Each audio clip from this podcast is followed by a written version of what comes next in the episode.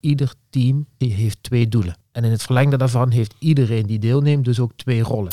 En die persoonsverheerlijking helpt ons daar niet bij. André, ik ben het helemaal met je eens. Welkom bij de podcast van Courageous Teaming. Een podcast over kiezen van moed en werken in teams. Met Ewout, André en Patrick. Het is weer vrijdagochtend. We zitten weer samen en ik vroeg me af of we een onderwerp hebben. Zekers. Je vraagt altijd in deze herfstachtige dag, wat is de belofte? We Ja. gaan aansluiten bij de actualiteit. De wereld draait door. En we proberen dat te vertalen naar mensen die in organisaties werken. Dus we gaan licht laten schijnen op presteren aan de ene kant. En een teamklimaat, cultuur, organisatieklimaat, cultuur creëren. Wat fijn is. Hoe, hoe verhouden die twee dingen zich tot elkaar? Nou, dat lijkt me hartstikke mooi. En deze podcast die voelt ook ergens als, eh, dat is best wel spannend als je, daar, als je ook ergens je licht laat schijnen over dit soort actualiteiten, je mening daarin geeft. Want ergens merkte ik dat in zo'n traject, of dat nou met de wereld draait door te maken, of dat, of dat nou met Ariep te maken had, eh, ik reflecteer dan ook een stuk op mijn eigen achtergrond die ik vroeger ooit in de sportwereld gehad heb. En hoe vaak hebben we daar niet ook gezegd, ja, die is gewoon niet geschikt. Die kan er niet aan. En ik ook, vaak genoeg gedacht over iemand, goh, kan best aardig ballen in ons geval. Maar ik vraag me af of die opgewassen is tegen wat er op je afkomt als je in, je in de topsportwereld wil begeven. Eh, de manier waarop je feedback krijgt, scherp gehouden wordt, vergeleken wordt met je anderen, je steeds moet bewijzen, al dat soort zaken. Kun je daarmee omgaan of niet? En er zijn ook al mensen op afgevallen. Dus kon, kon het gewoon niet aan. maak het even de stem van de andere kant. Hè? Dus ik ben een goede sporter. Ik val af omdat de norm is. Je moet gewoon een stoere jongen zijn. Je moet je tegen kunnen. Eh, en als je er niet tegen kunt, ben je gewoon emotioneel ilabiel. En jammer dat je goed kunt ballen. Dus het is toch heel ineffectief. Als je dan zo'n cultuur hebt met die moraal. Dan vallen, heel- je zou kunnen zeggen, dat eh, nog veel meer mensen bereiken de top. Op het moment dat je die cultuur een beetje verandert. André, ik ben het helemaal met je eens. Maar als ik terugblik, toen zat ik in een omgeving en waarin dat niet normaal was. En Ja. waarin ik er ook niet zo naar ging kijken. Ja, dus dan zijn we meteen bij de problematiek van de wereld draait door. Hè? Dus de presentator of de mensen om hem heen zeggen, we hebben hier een topprestatie neer te zetten iedere week. En om dat te doen, hebben wij, eh, ga- gaan we elkaar niet eh, schatjes en lievertjes noemen. Maar gaan we gewoon heel duidelijk elkaar aanspreken, want we moeten hier eens presteren. Voor mij zit daar duidelijk wel ergens een grens. Sterker nog, het heet grensoverschrijdend gedrag. V- Volgens mij is dat wat anders dan onder druk of mentaal goed kunnen presteren. Volgens mij is er een moment dat je een grens overgaat. Wat ik interessant vind aan die gedachte van die grens is natuurlijk wel, wie bepaalt die grens? Dus waar ligt die? Kijk, wa- wat ik wel eens ingewikkeld vind, is wij komen in ons werk ook wel eens leidinggevenden tegen, die te doen hebben met iemand die, nou, misschien gewoon nog niet, laat ik het positief framen, capabel is om zijn rol te vervullen. Dat kan, hè? Oh, Ja, we zijn nu met een WK voetbal bezig. Zo zijn we allemaal een keer begonnen. Ja, niemand kan zomaar daar Ja. instappen. Het zou een beetje raar zijn als je daar morgen kunt instappen. Dus er, zijn dingen die je niet kunt of die je misschien nog niet kunt. En wat ik wel merk is dat het, het lijkt soms alsof het steeds moeilijker wordt om tegen iemand te zeggen, als je verantwoordelijk bent voor een prestatie die je te leveren hebt, ik zie je dit nog niet doen, die rol invullen. Ik hoor wel eens mensen die zeggen, als ik alleen al dat gesprek aanga, dan loop ik het risico dat iemand zich morgen ziek meldt onder de noemer ja, grensoverschrijdend gedrag. eh, de, druk is te hoog opgevoerd en ze melden zich ziek en dan heb ik een nog groter probleem. Terwijl je eigenlijk gewoon het, toch ook, je moet ook eerlijk het gesprek aan kunnen gaan over, ben jij gewoon competent om op dit niveau te functioneren? Ja, maar Ewout, het eerlijke gesprek is toch niet tegen iemand zeggen... nu ga je op je knieën voor me zitten en dan zeg je... sorry meneer Van Nieuwkerk. Dat is toch niet het eerlijke gesprek ervan? Zo is het. Dus waar ligt dat? Even wij, toen we dit ook voorbereiden, en bij mij kwam dat inzicht ook pas later, hè, zeggen eigenlijk, en dit is misschien wel de opgave van iedere leidinggevende, ieder team, je zou kunnen lezen, iedere organisatie heeft twee doelen. En in het verlengde daarvan heeft iedereen die deelneemt dus ook twee rollen. En daarbij bedoelen we, en dat kun je mooi vertalen naar de wereld draait door, je hebt een inhoudelijk doel, een prestatie te leveren. Matthijs van Nieuwkerk heeft ook een prestatie te leveren. En dat heeft hij, als ik de media moet geloven, en ik heb daar zelf ook altijd van genoten, heeft hij dat met verven gedaan. Want het was een ik mooi even programma. onderbreken. Niet Matthijs van Nieuwkerk heeft een prestatie te nemen. Die hele groep. Een heel team. Team. Maar, da- maar daar gaat het ook mis. Hè? Je hebt helemaal gelijk. Daar gaat het ook mis. Ik heb een prestatie te leveren. Mijn hoofd ligt op het blok. Dat is een goede discussie van tevoren. Volgens mij zit er een heel team, een hele organisatie die samen iets doet. En die persoonsverheerlijking helpt ons daar niet bij. Daar ben ik helemaal met je eens. Maar het verklaart misschien wel Ja. waarom op één iemand die druk zo groot is. Want als ik achter de schermen zit, ik lever wel, ik draag wel bij aan die prestatie. Ja. Maar ja, als het een keer een klote avond is, straalt dat niet direct op mij af en op zo iemand wel. Dus ik snap wel dat de druk op diegene daardoor hoger wordt. Terwijl het wel absoluut een gezamenlijke prestatie is. Ja, dus wij ook, de kijkers en alles en iedereen, hebben de neiging om naar die ene te kijken en het daaraan toe te schrijven, het succes en het falen. En we vergeten heel vaak, goh, wat fijn dat die ene zo heeft kunnen schitteren. En wat, wat een geweldig team moet daar omheen zitten om dat mogelijk te maken. We hebben het tot nu toe gehad hè, over het inhoudelijke doel. Doen wij gewoon het juiste wat we te doen hebben om een goede prestatie te leveren? Inhoudelijk het juiste, juiste format, juiste nieuws, whatever. Maar het tweede doel is de groep. Ontwikkelen we een groep, een omgeving waarin iedereen optimaal tot zijn recht kan komen, zich veilig, verantwoordelijk voelt, eh, zichzelf kan aansturen om de optimale prestatie te leveren. En wat is daarin je rol? En ben je dan bewust van, noem het maar, je schaduwkanten ook als leidinggevende? En word je daar ook bij geholpen om daar bewust van te zijn van je schaduwkanten? Op het moment dat jij het gevoel krijgt dat er misschien op de prestatie het verkeerde gedaan wordt. Dus ik denk wel dat het de kunst is om als leidinggevende heel bewust te zijn van het feit, en daar komen we zo wel even over waardoor dat ontstaat. Als ik ervaar dat de druk op mij om te presteren ontzettend hoog is, omdat ik daar zit in beeld ben, dan moet ik me ook knetterbewust zijn van mijn schaduwkant en mijn ineffectief gedrag op het moment dat ik merk dat daar boosheid of frustraties of wat dan ook een rol gaan spelen, die logisch zijn.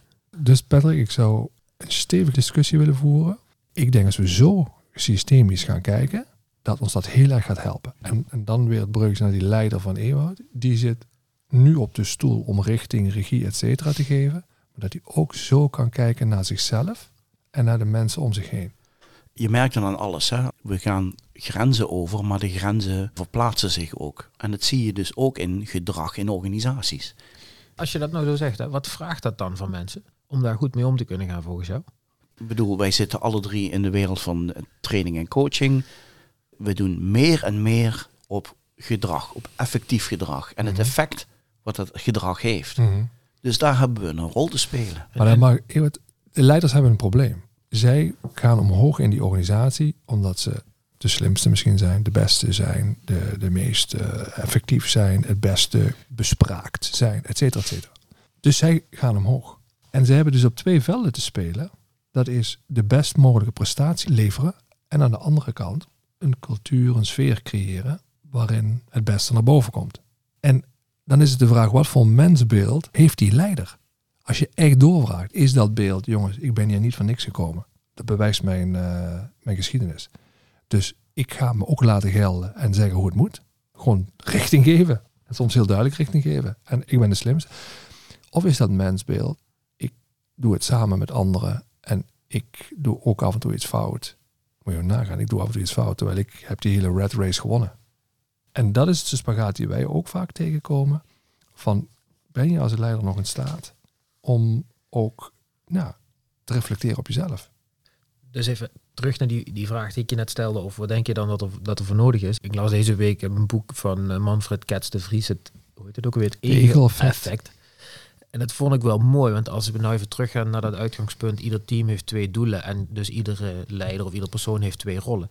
Dan zegt hij eigenlijk, veel leidinggevenden, die zijn om op die positie te komen beoordeeld op een cognitieve behendigheid. Dus op het rationele vermogen om ervoor te zorgen dat we inhoudelijk de juiste dingen steeds doen. En daar zijn ze knettergoed in. En dat maakt dat ze op een bepaalde positie komen, dat ze dus ook, dit is hun habitat is leidend. leidend. Ik weet donders goed wat moet hier nu gebeuren en ik ga dat iedereen proberen duidelijk te maken. En als iedereen dat maar doet, dan doen we het goed. En de stap die we te maken hebben, en dat ik ook maar hij zegt, het gaat nu veel meer over, kunnen ze de emotionele behendigheid ontwikkelen om om te gaan met dat spanningsveld wat jij net schetst. Normen die anders zijn. Mensen die anders in de wedstrijd staan. Normen die vervagen of die misschien wel een beetje verschuiven. En het uitzicht gedrag. En hoe ga ik daar dan mee om? Dus al die spanningsvelden, die horen bij zeg maar, de samenwerking in deze tijd, die dan toch wat meer egalitair is en gelijkwaardig en waar mensen toch ook wat anders met elkaar omgaan misschien dan, dan tijden geleden.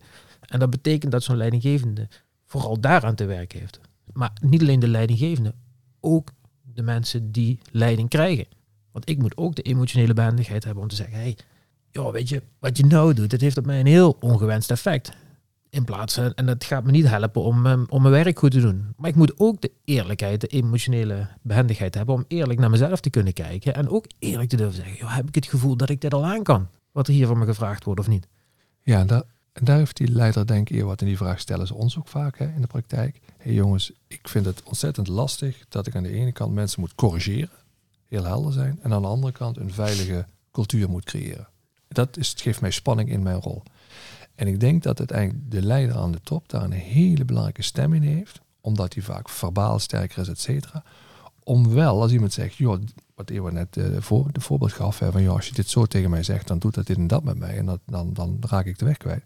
Dat die leider dan wel zegt, niet zegt, dat is jouw probleem. Hè? Leren eens een keer, uh, gaan ze naar een fysio een rechte rug krijgen. Of dat hij zegt, hey, vertel eens, uh, hoe werkt dat dan bij jou? En heb je het gevoel dat misschien meer mensen al last van hebben als ik dat doe? En met wie moet ik dat eens gaan praten? Maar het gesprek voeren over hoe gaan wij met elkaar om? Hoe kunnen wij effectief met elkaar samenwerken? Daar gaat het dus eigenlijk om. Ja, waarbij hiërarchie wel een essentiële rol speelt. Hè? Dus, dus ik heb dat gesprek te voeren met mijn baas daarbij. Die gaat over mijn carrière, mijn veiligheid, mijn inkomsten, et cetera. En dan zijn wij in staat om dat gesprek met elkaar te voeren. Ja. Je, je zet me even het is wat moet aan denken. Weet je nog, ik heb, uh, dat is nou twee jaar geleden, die uh, opleiding bij uh, Marshall Goldsmith gevolgd. Ja. En die, die zegt, een van de uitgangspunten die die tegen leidinggevende zegt als hij ze coacht is, wie is de klant van jou leidinggeven? Nou, wie is de klant van een leidinggevende? De, mensen aan wie hij je leiding geeft. De mensen waar hij een leiding geeft. Dus zegt hij, dan moet je aan hun gaan vragen, wat doe ik hartstikke goed en waar help ik je af en toe helemaal niet mee? En dan richt hij zich vooral op dat doel van het groepsproces. Hè? Dus op welk gedrag van mij helpt om jou je werk beter te laten doen, te versterken en wat helpt daarbij niet? En kijk daar dan eens eerlijk naar. Dus die draait dat helemaal om. En dan ontstaat er eigenlijk automatisch ook een, wat meer veiligheid. Want opeens, in plaats van dat ik jou beoordeel als leidinggevende, draaien we het om. Weet je, jij gaat eigenlijk mij vertellen, wat doe ik om jou echt te helpen om goed te functioneren? Wat gaat de luisteraar hier nou uithalen? Ik heb in ieder geval heel erg sterk gedrukt op leiderschap. Eh, ik heb hier een cultuur te borgen waar mensen heel blijven en oké zijn. En dat er voor iedere organisatie anders is afhankelijk van wat voor type mensen je daar hebt. Ik wil er nog een tweede bij. Jij als leider, dat je op beide velden speelt en dat toetst, zijn wij goed bezig. En misschien de derde, om, om het voor de leider niet te zwaar te maken. Die leider zit natuurlijk ook in een context waar druk op hem gezet wordt. Vanuit aandeelhouders of uh, raden van toezicht, et cetera. Ik denk dat als hij zijn dilemma's dus op tafel gaat leggen, in de wereld waar wij komen, van jongens, ik krijg aan de ene kant deze druk op mij en aan de andere kant merk ik dit in organisatie, hoe gaan we hiermee om?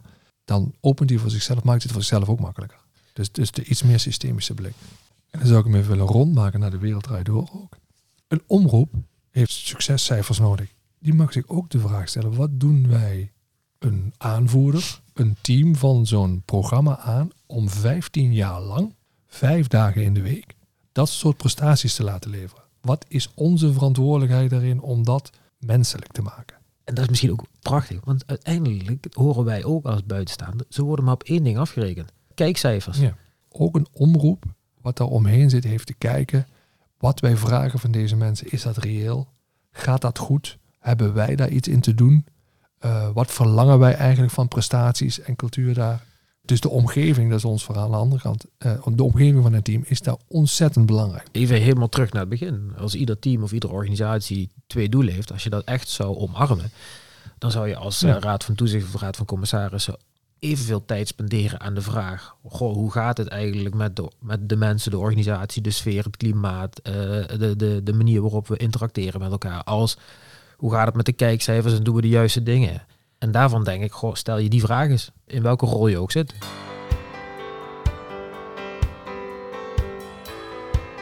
Ga voor meer informatie over Courageous Teaming en het werk van Ewout en André naar www.courageousteaming.com.